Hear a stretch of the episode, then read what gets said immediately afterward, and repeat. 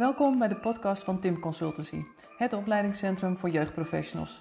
Ben jij op zoek naar een passende deskundigheidsbevordering in de vorm van een training, workshop of inspirerende artikelen? Kijk dan eens op de website of op onze social media kanalen. Vandaag een gesprek met Suzanne van der Woude. Welkom Suzanne. Hallo.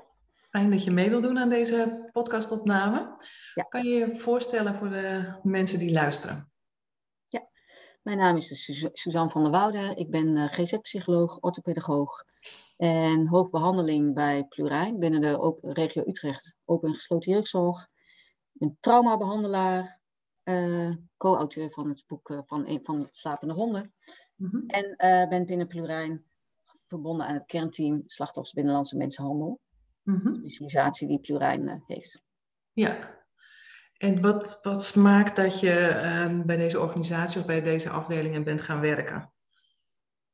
Nou, ik ben eigenlijk al, eh, al zo'n beetje, denk ik, achteraf terugkijkend, zo ongeveer 20 jaar werkzaam in de hulpverlening aan kwetsbare meisjes. En ik ben daar terechtgekomen vanuit mijn toen nog eh, justitieachtergrond. Ik werkte binnen een eh, JJI voor jongens in dit geval. En die hadden drie locaties, waarvan één een meisjeslocatie was, de Lindhorst in Zeist in dit geval. En, eh, en eigenlijk hadden ze binnen de Lindhorst in Zeist alleen maar mannelijke psychologen. En daar werd toen toch over nagedacht van ja, misschien is dat toch niet zo handig met al deze kwetsbare meisjes, waarin toch wel veel gaat over eh problematiek rondom seksualiteit. Mhm. En eh, toen ben ik eigenlijk gevraagd of ik de switch wilde maken en te, en, te ruilen. Dus dat heb ik gedaan. En eigenlijk nooit meer uit de, de meisjeshulpverlening weggegaan. Ja. Ja. Wat, wat maakt dat zo bijzonder, de meidenhulpverlening? Nou, wat het voor mij was op dat moment is, ik, ik kende eigenlijk de meisjeshulpverlening op dat moment niet. En ik had eigenlijk altijd met jongens gewerkt. Dus het was voor mij ook volledig nieuw. En ik had eigenlijk altijd verwacht dat ik meisjes eh, en de hulpverlening aan meisjes voor mij minder, dat ik dat minder boeiend zou vinden. En tegelijkertijd toen ik daar kwam, toen zag ik eh, dat deze meisjes, dat ze kwetsbaar zijn, eh, dat, ze, dat ze een soort bescherming vragen. En dat je tegelijkertijd zag ik ook heel veel eh bozige kinderen, verdrietige, kinderen die wat in boosheid eruit kwam. En wat mij intrigeerde was, goh, wat, wat zit er nou eigenlijk onder en achter dit eh, gedrag wat je ziet? En tegelijkertijd ook, eh, de Lindhorst was toen een plek waar heel veel meisjes geplaatst zijn vanuit het hele land. Met al, toch een achtergrond rondom seksualiteit, problemen in de seksualiteit, afhankelijkheidsrelaties. En ook mensenhandel. Dat heette toen nog niet zo. Toen noemden we dat gewoon pooiers, waar zij eh, Mhm. prostitutie. En, eh, en nou ja, ook dat, dat ik ook wel dacht, goh, wat maakt nou dat deze meisjes dan daar zo kwetsbaar voor zijn? En dat dat allemaal bij elkaar komt in de hulpverlening. Dat ik denk, wat maakt dan dat, is, dat deze meisjes zo kwetsbaar zijn? Wat hebben zij nodig? Mhm. En dat heeft me eigenlijk altijd blijven boeien. Van wat hebben zij nou nodig en hoe kunnen wij goed aansluiten? En, en ja, hoe, hoe, krijgen ze wat, hoe krijgen ze nou echt wat ze, de echte hulp die ze nodig hebben? Ja. Ja. En dat is denk ik natuurlijk ook heel erg mooi dat je daar dan zo op focust en daar zo op toespitst wat dat dan bijzonder maakt of wat zij extra nodig hebben. Ja, en ik denk ook als je zoveel jaar geleden kijkt, zit natuurlijk nu al vrij lang in. En gedurende de tijd eh, voortschrijdend inzicht maakt dat we ook anders naar gedrag eh, van kinderen kijken. Dat, dat ook gedurende de tijd dat je denkt, oh, die, deze meisjes zijn eigenlijk allemaal eh, getraumatiseerd, hebben allemaal nare dingen meegemaakt. De, jong- de jongens binnen de hulpverlening ook vaak wel. Ook eigenlijk. Maar voor deze meisjes, dat ik denk, daar moet op maat iets voor komen. En eigenlijk zijn we dat van, ben ik dat, samen met collega's natuurlijk, toen de tijd, eh, zijn we dat met elkaar gaan ontwikkelen. Want kwetsbare meiden, van wat maakt hun kwetsbaar? Of waarin zijn ze kwetsbaar? Nou ja, voor mij, ehm, we noemen het kwetsbare meiden, maar het gaat dan, een deel van deze kwetsbare meiden zijn eh, slachtoffers van seksuele uitbuiting en eh, slachtoffers mensenhandel. En hun kwetsbaarheid zit hem dan in dat zij, ehm, nou, dat, dat ze een toch wat een laag zelfbeeld hebben, eh, dat, ze- dat ze daarbij in handen vallen van deze, deze Ja. mannen. Zo is het eigenlijk. Dus dat maakt hun kwetsbaar. En de kwetsbaarheid zit hem in dat, dat zij eh, soms de dingen nog niet voldoende doorzien. Dat ze vanuit hechtingsproblemen, trauma, vroegere leeftijd al seksueel misbruik, Mhm. dat zij eigenlijk ook zichzelf niet, eh, de identiteit van zichzelf nog niet zo goed hebben, hun zelfbeeld eh, beperkt is, of in ieder geval niet, niet altijd realistisch is. Ja. Ehm, nou ja, en daar hebben deze mannen een neus voor. ja. Ja, Die, die voelen dat aan en die, die stappen daar in een bepaalde behoefte. ja. Ja, die stappen, wat, wat je ziet is dat deze meisjes, op het, wat ik net al zei, op zelfs ook vaak een verleden van pesten, ehm, onvoldoende aansluiting. En deze mannen geven hen in eerste instantie toch uh, een soort aandacht die ze op de een of andere manier gemist, uh, die zij missen. Ja. ja. En volgens mij zit daar ook een beetje een, verschuiving in, Dat je eerder hoorde van, goh, eh, ze zoeken de meiden op bij school, maar dat het nu veel meer online gebeurt. Kan je daar iets over vertellen? Ja, in eerste instantie, wat je zegt, is wat dat zo heette, dat inderdaad de klassieke Loverboy-methode noemen ze dat ook wel. Dat ze in eerste instantie stonden inderdaad deze boys bij school uh, en benaderden meisjes echt fysiek. Dus uh, in de zin, en maakte op die manier contact en zorgde in eerste instantie voor een soort uh, verbondenheid, relatie, verliefdheid. Zorgde dat meisjes verliefd op hen werden, cadeautjes, die, die dingetjes en vanuit daar, ehm, vanuit die verliefdheid, lieten zij meisjes met andere mannen uh, seks hebben. Mm Voor geld, laat ik het zo zeggen. Uh, maar dan wel vanuit verliefdheid, met daarbij het idee, ja, ik heb schulden, dus kun jij dat dan niet voor mij doen? Dan kunnen we daarna samen weg. Dat soort dingen. En nu is het uh, veel meer via internet. Dus het gebeurt nog wel fysiek, maar dat veel minder. De mm. periode dat je tijd die je nodig hebt als je dit op, met de fysieke manier doet, is, dat kost veel meer tijd. En nu is het natuurlijk van op internet is veel makkelijker. Zij zetten gewoon via allerlei sites, worden er gewoon meerdere meisjes benaderd. En uh, ja, kijken wie er had. Zo is het wel. En die meisjes zitten natuurlijk op hun eigen veilige kamertje. In hun beleving veilige kamertje. En weten eigenlijk helemaal niet wie er precies aan die andere kant zit. En wat, wat, er dan gebeurt is toch ook dat daarin dat al vrij snel wordt overgegaan tot van, goh, kan je niet een keer een foto sturen van je borsten of uh, dat soort dingen. Of kunnen we niet een keer afspreken? Ja, en vanuit die afspraak gaat het, heel, gaat het regelmatig, of eigenlijk heel snel over tot uh, seks. Mhm. Seksuele handelingen, wat opgenomen wordt. Ja, en dan zit je snel in de fuik. En ja. uh, bij deze meiden. En wat je dan ziet is dat er, dat er echt veel dreiging komt. Maar ja, als jij, dit dus niet, als jij niet een volgende keer weer iets voor mij doet, ja, dan ga ik zorgen dat dit, deze filmpjes uh, online gaan op jouw school of bij jouw ouders. Ja. Dus dan zit je meteen in de vaak en het is echt een crimineel netwerk. Ja, dus dan die eerste vorm die gaat meer uh, richting de verliefdheid, op meiden op die manier ja, uh, ja. en dit veel meer onder druk zetten, angst, daar gebruik maken. Ja, zeker. En misschien is het ook in het hoofd van de, van de meisjes ook wel, van online hè, zit het ook wel in een soort van uh, beginnend stadium van verliefdheid. En iemand vindt je aardig. En dus dat, dat stukje zit er wel in. Maar het gaat veel sneller. En uh, je zit meteen in de tang. Ja, ja, ja precies. Ja. En, de, en dat is natuurlijk ook door de omgeving dan heel erg lastig uh, te zien, te merken. Nou, met name, uh, kijk, bij, op de schoolpleinen, daar werd nog wel eens gesignaleerd hè, dat er bepaalde auto's eh, veel stonden, of bepaalde jongens stonden. Dat je dacht, hm, of mannen die zitten hier niet op deze school. Maar die zijn hier wel heel veel. Of je zag meisjes uh, vertrekken van school, in de auto stappen. Maar als dat op internet uh, gebeurt, op die, op die kamer waarin meisjes zich toch wel vrij veilig uh, wanen, op hun eigen slaapkamers, ehm, ja, daar heeft niemand zicht op. Mm -hmm. Niemand heeft zicht op wat daar eigenlijk gebeurt. De meeste ouders kijken een keer mee of vragen misschien nog wel eens wat, maar ook, die hebben daar ook niet onvoldoende zicht op wat er allemaal precies op internet gebeurt. Mhm. Ja. ja. En het is natuurlijk wel fijn. Uh, er zijn altijd wel wat signalen die je kan, uh, kan herkennen.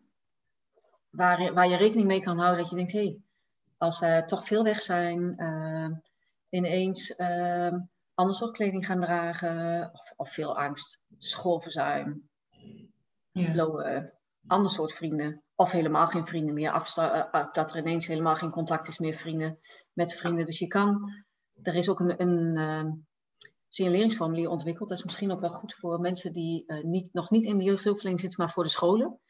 Daar is die eigenlijk ook voor bedoeld. Dat is het signaleringsinstrument heet 11 VB, dus 11 in de cijfers en VB. Okay. Um, en dat hebben Plurijn en Koraal chloride is daar een onderdeel van geweest, maar Coraal heeft hem eigenlijk ontwikkeld, laat ik het zo zeggen. En die, um, daar staan eigenlijk heel veel signalen in. Daar zit ook een instrument bij waarin je kan scoren van, goh, hoeveel signalen zijn er dan? En moet ik, waar moet ik dan nu uh, over gaan nadenken? Het is wel een soort wegingsinstrument, dus het is niet zo van, goh, je hebt tien signalen, dus het is wel of niet. Maar het geeft wel een richting. Ja. waar moet je nou op letten? En ja, wat maakt, wat, en daarnaast ook, wat kun je doen? Ja, nee, ik zou in ieder geval even een linkje opnemen bij de tekst over de podcast, dat mensen dat formulier kunnen vinden. Wat ik je hoor zeggen is vooral wees heel erg alert op gedragsveranderingen. Ja, zeker. Dat als, als, en, en neem dan mee, als, als dit allemaal gebeurt, dan is dit ook een mogelijkheid. Ja, zeker.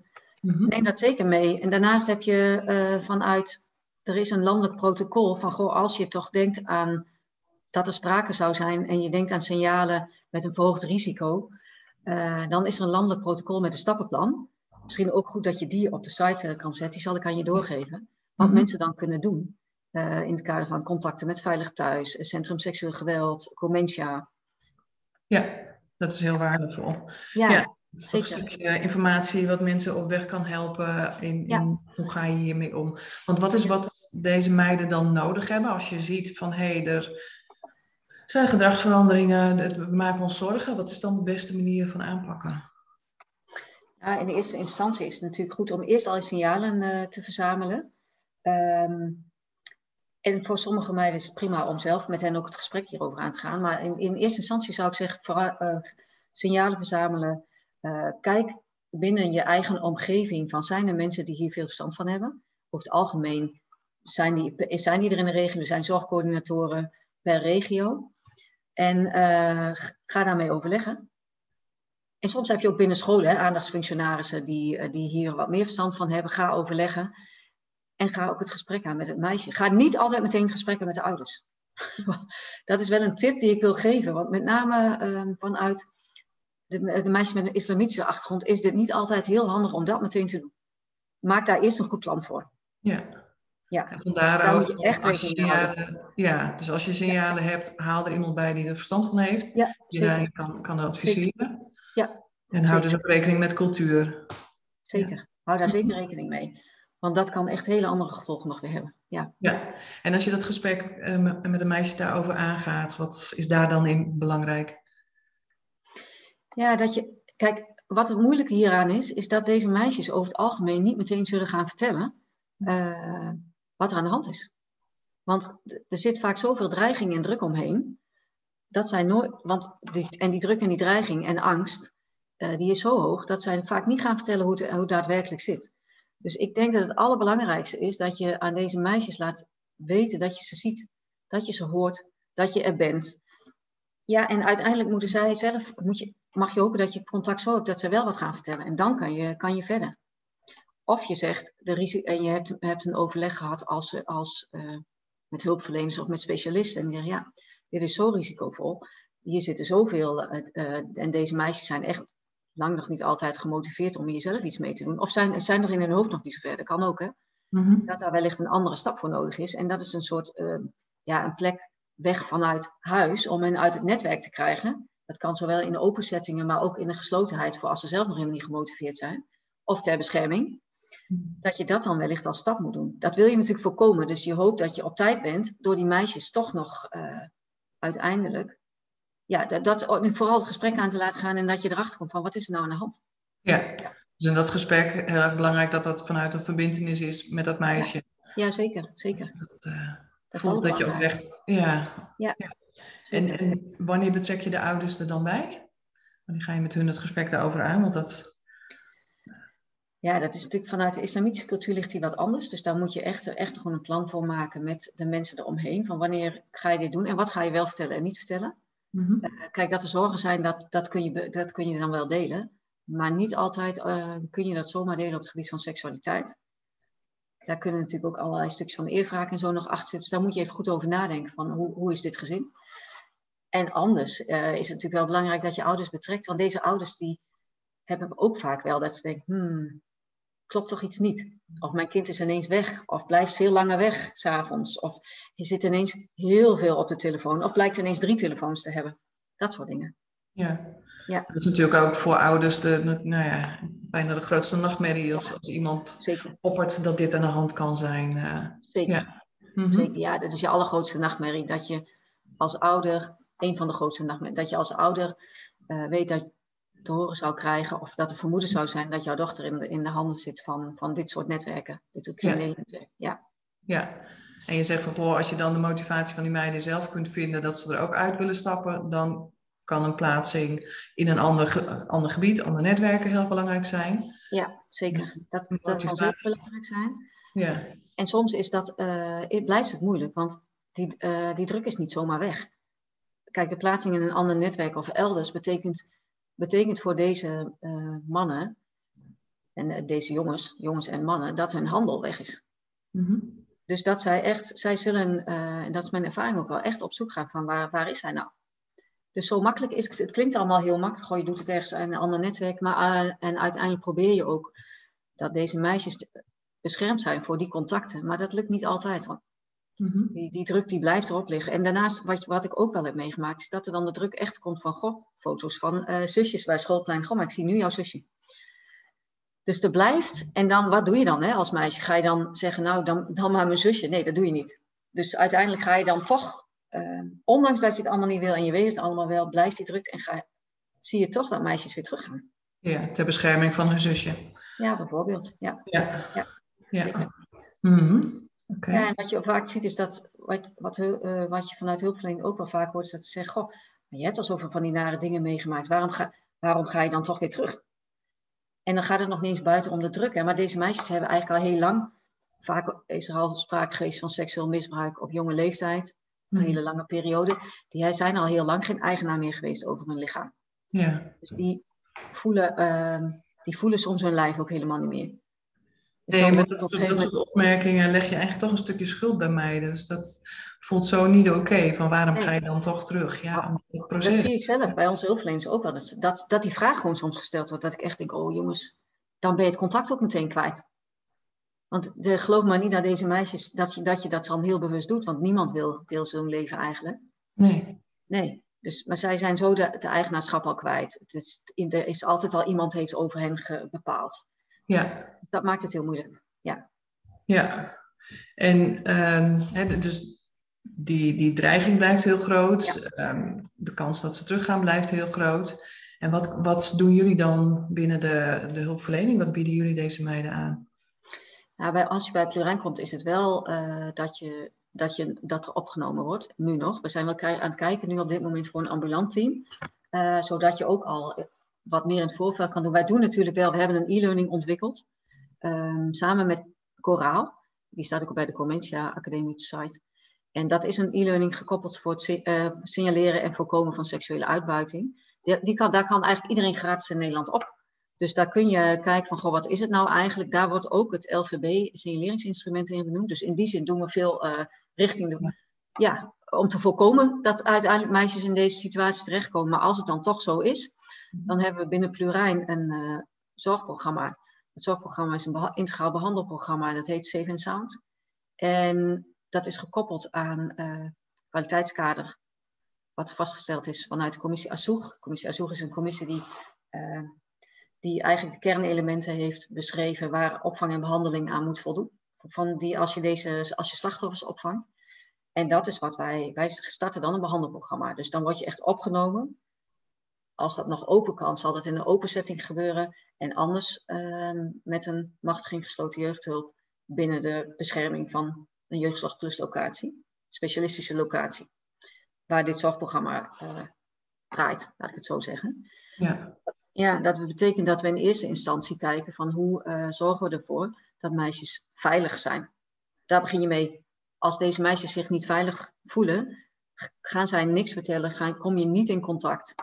En in eerste instantie probeer je natuurlijk die werkrelatie aan te gaan en veilig, uh, veilig te houden. Dus te kijken naar, uh, ook samen met de politie, we werken daarin samen met die zorgcoördinatoren, maar ook de politie vanuit mensenhandel en regionale zorgtafels, Centrum Seksueel Geweld dat je eerst kijkt van hoe kun je, kun je veilig houden. Hebben we daar een dreigingsanalyse, kunnen we daarvoor maken. We maken gebruik van de RIS 2.0. Dat is eigenlijk ook een signalerings- en screenings- en signaleringsinstrument risicotaxatie. Waarin je kijkt hoe ernstig is het risico um, en wat moeten we doen. En vanuit daar, vanuit die veiligheid wordt voornamelijk, het behandelprogramma is, die heeft vier pijlers waarin we werken traumasensitief, competentiegericht, systeemgericht. Want het systeem is natuurlijk belang, heel belangrijk. En daarnaast uh, de-escalerend werken middels verbindend gezag. En vanuit dat stuk wordt er eigenlijk gewerkt aan doelen in het kader van zelfbeeld, weerbaarheid, seksualiteit, um, trauma, middelengebruik. Nou, het is eigenlijk een heel groot pakket en dat wordt op maat per meisje en gezin samen, uh, samengesteld. Ja. Ja. ja, want dat zijn inderdaad flink veel aspecten die daar allemaal een rol in kunnen spelen. Ja, zeker. zeker. Ja. ja. En je zegt dat, hè, dat stukje eh, gericht op preventie en zo, merken jullie daar al verandering in? Nou, uh, we hebben dit nog niet zo heel lang. Uh, nou, nu denk ik, wat is het? We zijn steeds verder aan het uitrollen, laat ik het zo zeggen. We, wat we wel merken is dat ze ons steeds beter weten te vinden. Dus dat is heel fijn. En dat uiteindelijk die e-learning al uh, steeds vaker gebruikt wordt. Dat kunnen we natuurlijk zien. ja, dus in die zin wordt het steeds, is er steeds meer richting preventie. En ik denk landelijk wordt er ook steeds meer gedaan aan preventie. Ja. ja. ja. dus dat blijft een heel belangrijk aspect om dat te doen. Zeker. Ja, weet je, en ik denk dat je in eerste instantie waar je moet zijn, is bij de scholen. Want die gaan toch, toch uiteindelijk zijn die, is dat de voorkant die toch sneller uh, de uitval gaat bemerken. En denkt, hm, ze zijn er niet, ze zijn wel heel erg vastgeplakt aan die telefoon, ruzies in de klas omdat die telefoon uit, dat soort dingen. Scholen hebben daar toch, ja, dat zijn natuurlijk de, de, plekken waar meisjes toch naartoe blijven gaan, zoveel mogelijk. En die, die uh, hebben vaak wel signalen. Dus we zijn nu ook aan het, aan het kijken, kunnen we dit uitrollen richting in eerste instantie ook scholen. Ja, ja. precies, om hen goed te informeren. Ja, zeker. En de wijkteams, dat zijn de volgende stappen, de wijkteams, uh, nou dat soort dingen. Ja, ja precies. Dus dat, ja. Nou ja. ja. en ik denk die wijkteams is natuurlijk de volgende uh, hulpverlening, als je het hebt over hulpverlening, die in, in principe die uh, signalen met ouders en meisjes, die, die dat ook binnenkrijgen. Ja. ja. Het is ook belangrijk dat zij goed weten wat ze wel en wat ze niet moeten doen. Ja, zeker. Ja, zeker. Dat zij goed weten wat zijn dan signalen en ook daarnaast wat kun je dan doen. Mm En wie kun je inschakelen. Ja, ja. ja precies. Ja. ja. Oké, en uh, je zegt van nou ja, al die pijlers, daar wordt mee aan, de gang gegaan. Er wordt een heel behandelplan uh, ja. Ja. gemaakt. En hoeveel tijd nemen jullie daar ongeveer voor? Nou, als je het hele behandelprogramma zou, zou doen, uh, dan ben je toch echt wel wat tijd kwijt. En ik weet dat, en dat is binnen de jeugdhulp zegt men, wil men alles zo kort mogelijk. En dat vind ik ook, hè, dat moet ook. Maar voor deze meisjes, om ze echt los te, los te kunnen weken, want dat is natuurlijk de eerste instantie wat je moet doen, om, om weer verder, om ze echt veilig te maken, los te weken, uh, dat kost gewoon tijd. Ja. En waar we voorheen meer tijd kregen, is dat nu wel wat minder. Uh, met name binnen de bescherming van de Jeugdzorg Plus is het allemaal zo kort mogelijk. En juist die bescherming heb je soms zo hard nodig om ze even los, ook daadwerkelijk echt los te kunnen houden van, uh, van deze mannen. Maar als je echt naar het hele behandelprogramma kijkt, dan, zouden wij, dan is het ongeveer een jaar, anderhalf jaar. Maar dan zou je echt alles doen. En kijk, je kijkt dan wel nu van wat is er echt nu nodig en wat moeten wij als plurijn doen en wat kun je dan wellicht ook alweer doen in de samenwerking uh, in de regio. Ja. Ja, ja. oké. Je, je zei al iets over uh, wat, wat meiden kwetsbaar maakt, waardoor ze hiermee in aanraking komen, en eerder seksueel misbruik. En hoe speelt dat door in deze kwetsbaarheid? Nou ja, wat, ik zei, dat, dat eerder seksueel misbruik maakt ook dat je eigenlijk ook niet de regie over je eigen lijf hebt gehad. Um, en dus als deze mannen dat bij jou ook weer zo doen, dan is dat.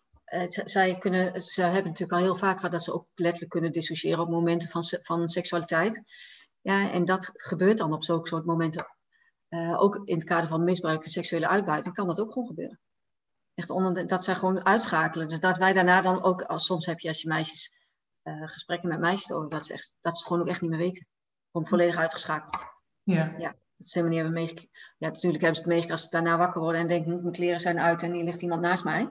Ja. Maar uh, dat ze het soms echt niet meekrijgen. Dus, mm -hmm. dus in die, op die manier speelt het mee. En dat het ook zo is dat, je, dat er natuurlijk heel veel getriggerd wordt. Dus Um, ja, dat kan van alles zijn. Kan een geur zijn, kan, kan een, een gezicht zijn, kan een beeld zijn. Veel last van uh, nachtmerries, herbelevingen. Overdag ook veel, uh, veel sprake van dissociatie. Mm. Dat moet je ook, dat is misschien ook wel goed om te vertellen, want dissociatie betekent, betekent ook dat je overdag soms ineens weg kan zijn en dat wij dan denken, hm, hebben we dat toch met jou besproken?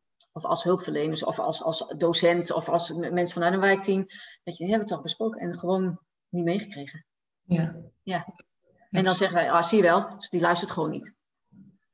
Dan wordt, het, wordt, het, wordt er op die manier naar gekeken. Terwijl ik denk, nee, dat is echt iets anders. Ja, dus dat, dat, dat, is belangrijk, dat je gedrag goed leert lezen. Ja, zeker. zeker. Uh, ja. ja en dat is natuurlijk heel moeilijk, lijkt mij. Dat is hartstikke moeilijk. En ik, zeker als je kijkt naar een wijkteam of vanuit een school. Kijk, wij, bij ons, uh, je hebt, wij hebben natuurlijk wel echt specialisten in huis. Uh, mensen die dit, die maar die dit ook al, al jaren doen en die dit ondertussen goed weten. Maar ook elk meisje is anders. Dus je moet elke keer ga je weer opnieuw leren lezen. Ja. Ja. Het gesprek aan, de werkrelatie aan. Ja. Precies. En, en eigenlijk hoor ik daarin ook zeggen, zo een bepaald gedrag kan op de voorgrond staan, maar er kunnen hele andere dingen achter zitten. Ja, zeker.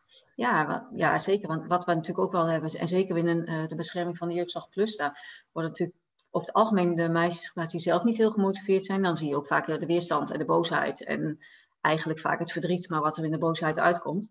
En dan uh, heb je inderdaad op een school, dat daar die meisjes die grote mond geven en dat er dan of gaan vechten. Of, en dan wordt er toch vaak gekeken van ja, zij zijn agressief.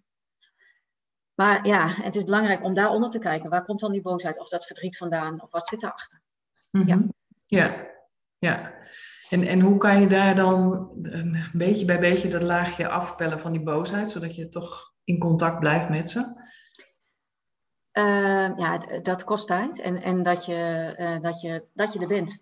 We noemen dat altijd een mooie term uh, sensitief responsief zijn ja. binnen de hulpverlening. Maar dat is wel de bedoeling dat je er bent, dat je nabijheid biedt. Ook in de momenten die moeilijk zijn. Dus dat je in de nacht eh, ziet dat er nog een lamp aan is. Dat je even naar binnen loopt. Je denkt, goh, hoe is het? Dat zijn de momenten waarin, waarin meiden alleen op hun kamer zijn met hun gedachtes en hun trauma's en de herbelevingen en nachtmerries, waarin je vanaf die momenten kun je aansluiting, kun je aansluiting zoeken en er zijn. En vanaf er zijn kun je verder. Mm-hmm. En, ja. ja. Dat is dus het allerbelangrijkste. Ja. En dat is, is in, uh, op een school echt wel moeilijk, want daar zullen deze meisjes niet zo gauw dit soort dingen laten zien. Het voordeel van de 24 uur zorg vind ik altijd, het is niet altijd fijn, dat, uh, maar dat meisjes en jongens daar geplaatst worden. Het voordeel van 24 uur zorg is dat je wel echt gedurende de dag alles ziet. Dus niet alleen het diagnostiekuurtje dat, ze, dat je diagnostiek doet, maar echt gedurende de dag. Het is 24 uur per dag doe je mm. procesdiagnostiek. Ja, ja precies. Ja. Dat, dat al het gedrag maakt de puzzel compleet en geef je een beeld van de, ja. deze meiden. Ja zeker. Ja. In combinatie, want we hebben het nu het heel over de meisjes, maar die, wij betrekken het gezin hier ook volledig bij. Dus ouders worden altijd vanaf dag één betrokken, zijn welkom. En uh, ja, je moet het samen doen. Het is, het ja. is, de doch, het is hun, uh, hun dochter, niet die van ons. Dus ja. die, uh, ja, en zij blijven altijd ouder. Dus dat is het allerbelangrijkste is dat je de ouders goed betrekt. Ja, ja. ja want ik, ik hoorde je daarin ook al wat zeggen van de benadering vanuit nieuwe autoriteit of geweldloos verzet. Verbindend gezag, ja. Verbindend gezag, ja. ja, er was ja. geweldloos verbindend gezag. Ja. ja, ik zat naar de term te zoeken. Welke was hem nou? Ja. ja. En is dat ook waar je dan met de ouders mee aan de slag gaat? Nee, we hebben eigenlijk voor ouders, we hebben uh, ja, van alles. Uh, vanuit Plurijn hebben we een, een. Uh, we hebben ouderbegeleiders, gekoppeld aan, aan, aan, deze behandelgroep, maar algemeen aan behandelgroepen. systeemtherapeuten. Is maar net wat er nodig is, dat wordt er ingezet. We hebben PMT, met, samen met gezins-PMT. Dus eigenlijk zijn er veel mogelijkheden, afhankelijk van wat passend is en wat ja. nodig is. Ja, ja. wordt ingezet. Ja. Dus op maat. Ik wil het zeggen, het is overal heel erg maatwerk, hoor ik eigenlijk zeggen. Ja, alles is maatwerk. Elk gezin is anders, elk kind is anders, elk meisje is anders, elk gezin is anders. En je kan alleen maar aansluiten bij wat passend is. Ik bedoel, om nou iets te gaan doen waar een gezin zelf niet zo achter kan staan, dat mm-hmm. is nooit iets wat, wat werkt. Nee. Nee. nee. En dus dan, ja, dan moet je ook wel een heel gevarieerd aanbod hebben. Ja, klopt. Dus, ja. Dat hebben wij, ja, we hebben ook daarnaast allerlei ook aanvullende therapieën, ook voor, voor, de, voor meisjes en voor jongens natuurlijk ook, maar we hebben het nu over de meisjes. Voor ja. meisjes zelf, dus dat kan zijn van traumabehandeling, ook allerlei vormen van traumabehandeling. En veel vaktherapieën, want wat we zien zijn deze, dat deze meisjes ook vooral eigenlijk nog niet met hun lijf bezig zijn, of soms nog helemaal niet toe zijn aan vertellen over de dingen die ze hebben meegemaakt, maar wel van alles in hun lijf voelen en stressregulatie. Ja. we hebben veel vaktherapieën, muziektherapie, uh, psychomotorentherapie, drama, nou ja, noem maar op. Uh, ja. Uitwendige therapie, dus echt weer, e-, echt, echt weer eens leren voelen in je lijf. Ja. Mm-hmm. Mooi. Ja. Ja. ja. ja. Daarin uh, veel variatie en mooie manieren om toch in contact te blijven en meiden daar stap voor stap in, in te helpen. Ja, zeker. Ja, ja. Maar wat, wat is nog meer voor jeugdprofessionals belangrijk om te weten? Ehm, ik zit even te kijken wat er nog meer be uh, belangrijk is. Ja, ik, ik, denk als je op die signalen zit dat je al heel, heel ver bent. Ja. Als je daar, uh, ja, dat we met z'n allen. Kijk, als wij uiteindelijk weg kunnen als opvang, dan, is, dan doen we het goed. Nou ja, en voor de jeugdprofessionals wat belangrijk. Ik denk dat het belangrijk is dat deze mannen gewoon eens een keer opgepakt worden. De politie doet daar heel hard hun best voor. Ja. Uh, maar dat is belangrijk, dat we daar, daar naartoe gaan. Dat dat uh, kan gebeuren en dat meisjes uh, niet, geen niet meer zoveel angst hebben om uh, aangiftes te doen. En dat die druk en die dreiging er vanaf gaat. Want dat is natuurlijk het andere stukje. Ja. Want met mensenhandel werken we heel intensief samen hoor. Dus er wordt echt wel veel contact allemaal onderhouden. En er wordt ook wel gestart met aangiftetrajecten. Maar ja, dan moet je toch alles vertellen. En komt er toch soms weer ergens druk vandaan. En uh, worden die aangiftes toch uiteindelijk niet gedaan. Hmm. Ja, dat is heel erg lastig. Ja, ja en ik hoor lastig. Dus deze, deze netwerken blijven daardoor bestaan. Ja, en dat wisselt dus ook steeds. Ze, ze, ze ja. passen strategieën weer aan, hun manieren waarop ze ja, ja. weten te vinden. Ja, zeker. Daar zijn ze heel goed in. Klopt. Ja. Ja. ja, dus dat is nog een andere tak waar we vanuit justitie en politie vooral ook heel veel ja. Eh, aandacht ja, zeker. is. Ja, ja zeker.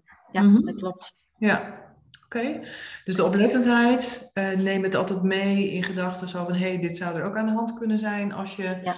bepaald gedrag ziet wat verandert bij meiden. Ja, zeker. Ja, um, nou, wat, je, wat ook nog wel regelmatig zo is, is dat meisjes, uh, is ook misschien wel goed om te zeggen, dat meisjes vanuit nou ja, het, uh, de nare dingen die ze op dat moment meemaken, toch zich op een andere manier gaan uiten. Dus dat je denkt, hé, hey, zitten in, let goed op armen, dat, dat je denkt, hé, hey, er zitten toch ineens nu krasjes op armen, dat soort dingen. Daar kun je dat is natuurlijk makkelijker om het gesprek over aan te gaan. Ik zie dit. In plaats van dat je zegt, nou, ik hoor allemaal, heb allemaal signalen. Wat je echt daadwerkelijk ook ziet. Ja. En, en ik, uh, wat belangrijk is, is om uh, als ouder, maar wij doen ook vanuit de hulpverlening, om af en toe toch echt zo'n social media, om daar eens meer aandacht, uh, aandacht naartoe te gaan. Ook in voorlichting. Mm -hmm. wat zijn de risico's? Er zijn natuurlijk heel veel mooie dingen die zitten aan social media, maar er zitten ook risico's aan. En dat is, heel, is echt belangrijk, ook op scholen, maar vanuit allerlei uh, vormen, dat daar voorlichting, goede voorlichting voor komt. Ja. En die, die is er ook al deels, maar dat scholen dat echt goed doen. Of dat er, uh, wat, waar wij veel mee werken op dit moment, is met ervaringsdeskundigheid.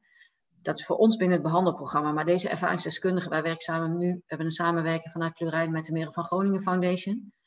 En de Meren van Groningen Foundation heeft uh, opgeleide ervaringsdeskundigen. Dus die hebben een heel opleidingstraject gedaan. Mm. En wat Meren van Groningen doet, is heel veel voorlichting ook geven op scholen, in buurthuizen. Nou ja, verzin het allemaal maar waar het kan.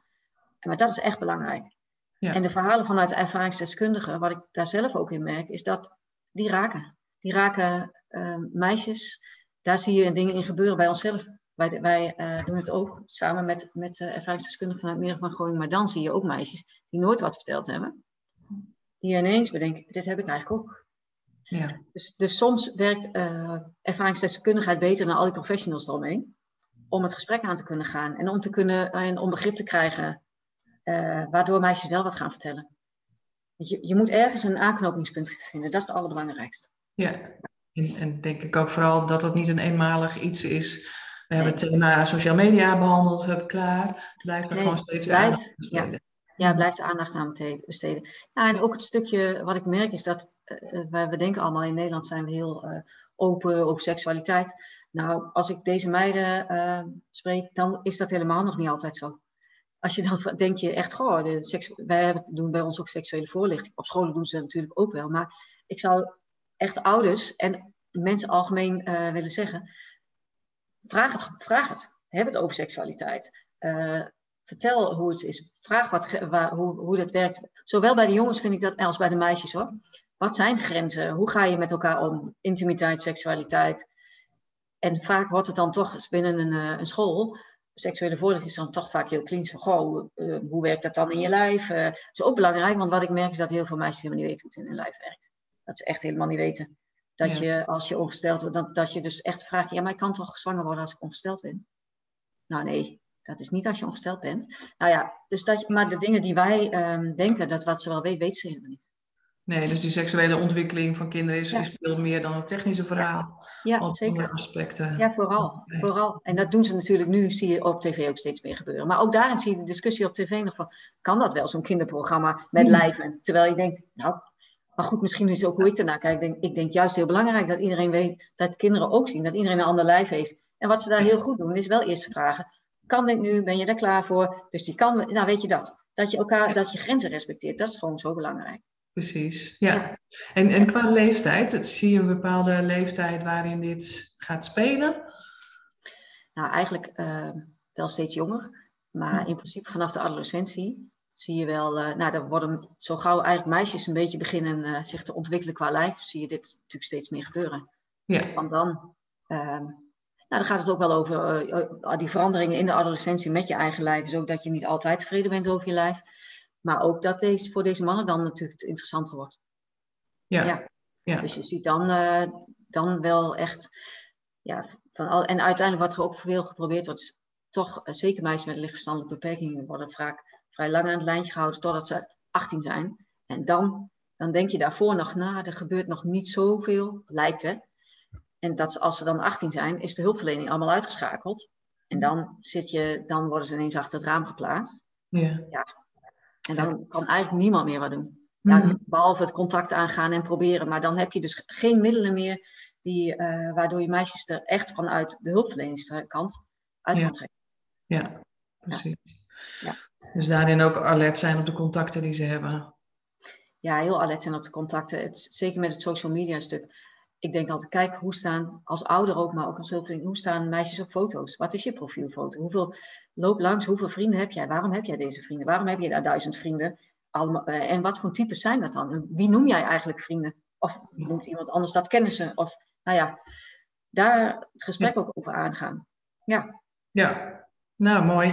Mooie taak ligt daar inderdaad nog voor, uh, voor ons allemaal als opvoeders, maar ja, ja zeker. onderwijs, uh, ja. daar het gesprek over aan te gaan. En wat je al zei. Ja, nou ja, ik denk ook de wijkteams die, die de contacten met gezinnen en ouders hebben.